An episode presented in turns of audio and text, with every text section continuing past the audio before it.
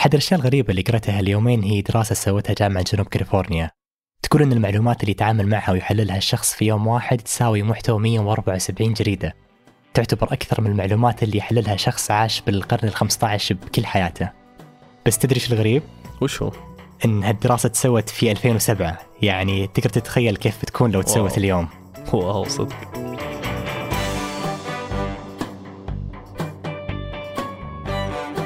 هذا بودكاست الفجر من ثمانية بودكاست فجر كل يوم نسرد لكم فيه سياق الأخبار اللي تهمكم معكم أنا عبد الغامدي وأنا عمر العمران.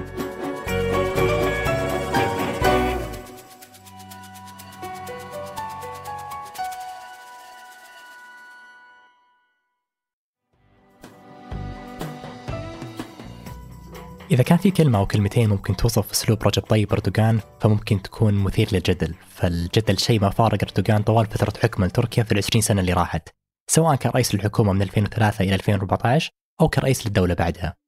والجدل نفسه كان طريق أردوغان للحكم لأن قبل ما يوصل لآخر منصب له ويوم كان رئيس لبلدية إسطنبول طلع وألقى أبيات شعر برموز دينية وعسكرية Sizleri sevgiyle, saygıyla selamlıyorum. وهو الشيء اللي خلاه بعدها يدخل السجن أربع شهور بعد اتهامه بالتحريض ونشر الكراهية باستخدام الدين. لكن بالنسبة لأردوغان هالأبيات اللي لفتت انتباه الناس له وزاد سجن اللي صار بسببها من شعبيته بتركيا اللي بآخر كم سنة كانت تنخفض باستمرار. بسبب اللي جالس يصير باقتصاد تركيا اللي عاني هالفترة بشكل حاد بالإضافة لخلاف تركيا مع أكثر من دولة عربية وهو اللي صعب فرص تجارية كثير لاقتصادها. ومع تزايد المشاكل اللي واجهها واللي كان آخرها الانتقادات لحكومته بسبب تعاملها مع الزلزال الأخير صار قدام المعارضة التركية اللي صارت تنعرف باسم طاولة الستة فرصة كبيرة أنها تحقق هدفها واللي هو بكل بساطة إنها حكم أردوغان في الانتخابات الجاية اللي بتصير بعد سنتين. وطاولة الستة اختار رئيس حزب الشعب الجمهوري كمال أوغلو أن يكون مرشحهم في الانتخابات.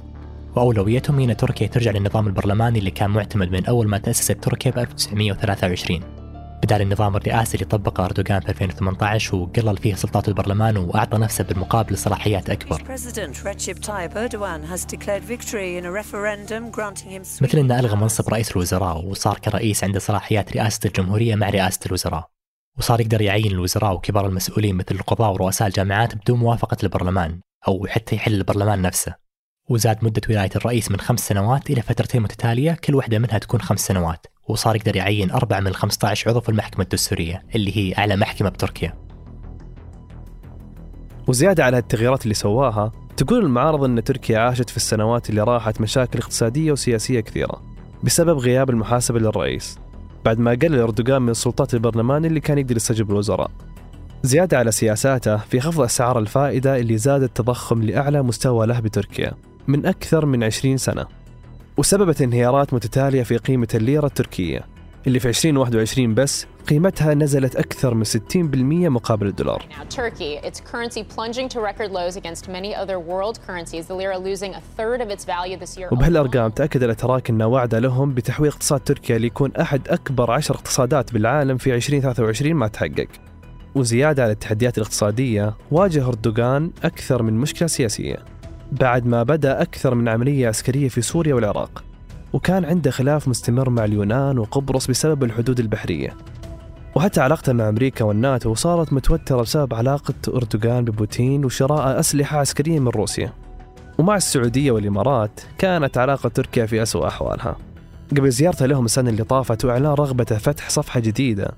ومع كل التحديات اللي واجهها أردوغان تقول استطلاعات الرأي قبل شهرين من الانتخابات إن منافسة. كمال أوغلو متقدم عليه بأكثر من 10% ويقول معهد بحثي تركي إن فرصة فوزه بالانتخابات الجاية على أردوغان تتجاوز 57% لكن حسب صحيفة بوليتيكو مشكلة المعارضة ما هي بس بتقدم شعبيتهم على أردوغان لأن حسب الصحيفة في أي انتخابات عادلة بيكون مصير أردوغان إنه يخسر.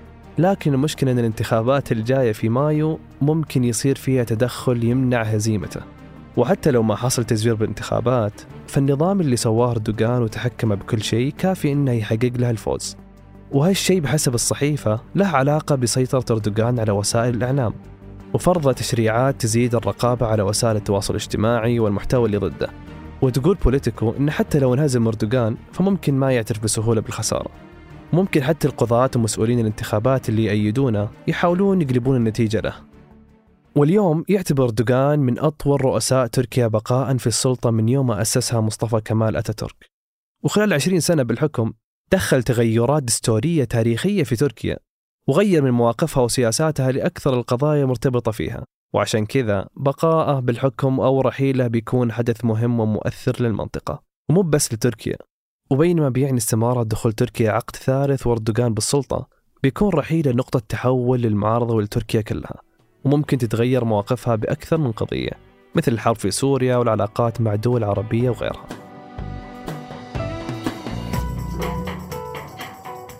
وقبل ننهي الحلقة هذه أخبار على السريع.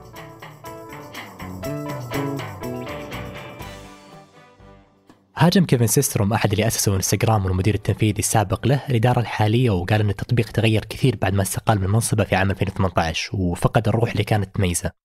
وقال إنه قبل كان يصفح إنستغرام عشان يتابع آخر أخبار اصدقائه وأهله لكن الحين الوضع تغير بشكل كامل بسبب سعي المنصة للربح اللي خلاها تزيد الإعلانات والمحتوى بشكل يكون مشتت للمستخدم. وبعد انتشار تقارير صحفية ذكرت إن والد ميسي طالب مسؤولين الهلال بتقديم عرض بقيمة 600 مليون للانتقال للنادي نشر في حسابه بإنستغرام نفي لهالكلام وقال إنه ما في شيء يثبت المفاوضات. وقبل أسبوع قالت إذاعة مونتي كارلو إن ميسي طلع بدري من تدريبات باريس سان جيرمان بعد انزعاجه من خطط المدرب. وأكد أن النادي مستمر في مفاوضات تجديد عقد ميسي رغم المطالبه المالية الكبيرة. وأمس أعلنت وكالة التصنيف الائتماني موديز و S&P عن رفع تصنيفهم الائتماني للسعودية إلى A بالنسبة لل S&P و A1 بالنسبة لموديز واللي هو خامس أعلى تصنيف فيها. وقالوا أن سبب هالشيء هو استمرار خطط الإصلاح الاقتصادي وتنويع الإيراد اللي تسويها السعودية بالسنين الأخيرة. ويفيد الدول ارتفاع ترتيبهم مثل التصنيفات الائتمانية بأنهم يصيرون يقدرون يأخذون قروض بفائدة أقل لأن المخاطرة في قروضهم تكون أقل. ويساعد بجذب الاستثمارات للداخل إنه يكون مؤشر لهم لاستقرار ونمو الاقتصاد